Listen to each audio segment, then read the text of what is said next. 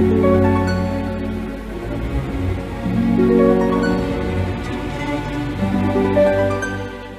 Virgo, saya dengan Madam Aza. Kita bacakan sekarang kartu tarotnya. Yang pertama untuk karir, bisnis, dan juga peruntungan.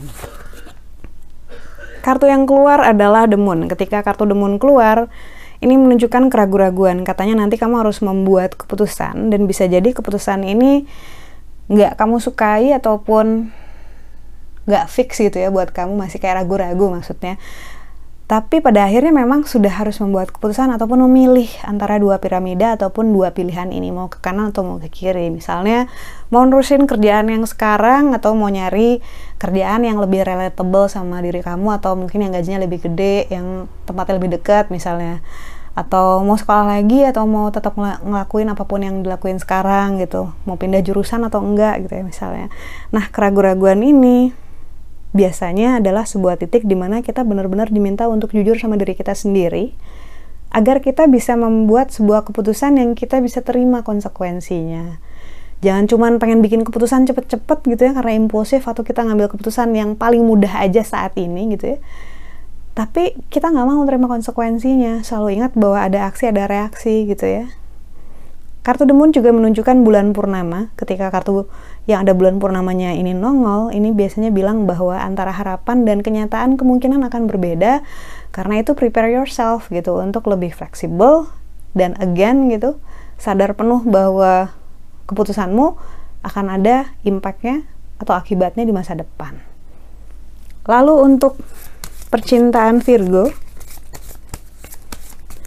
kartu yang keluar adalah The Magician.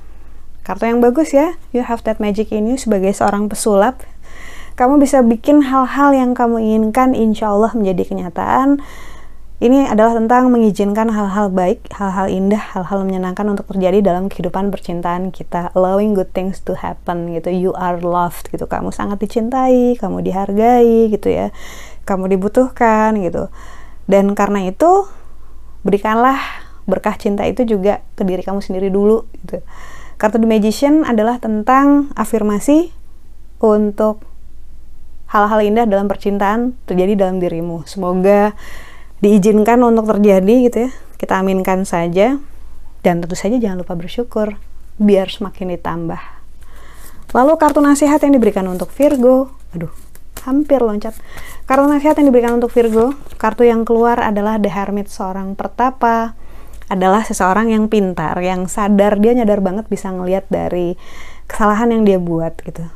Virgo itu bisa jadi malu untuk ngakuin kalau dia salah, tapi dia sangat pintar, sangat cerdas, tahu kalau sebenarnya dia bikin salah gitu. Kartu The Hermit ini bilang bahwa kamu adalah orang yang pintar yang bisa belajar dari masa lalu, dari kesalahan kamu, dari kelemahan kamu, dan kamu bisa banget untuk membangun diri kamu. Namun, sering kali masih ada masa lalu yang dragging, yang ngebawa kamu untuk drowning gitu ya, atau membuat jalan kamu jadi lebih berat ataupun lebih lambat, padahal seharusnya enggak gitu.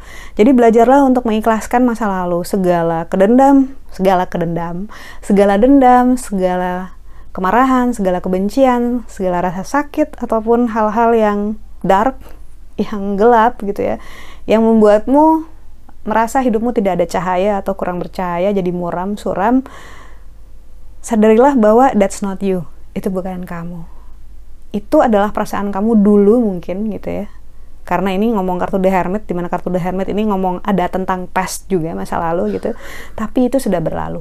Masa lalu sudah berlalu, berikut juga perasaan-perasaan negatif yang sudah saatnya hanya terjadi di masa lalu, nggak usah kita bawa ke masa sekarang.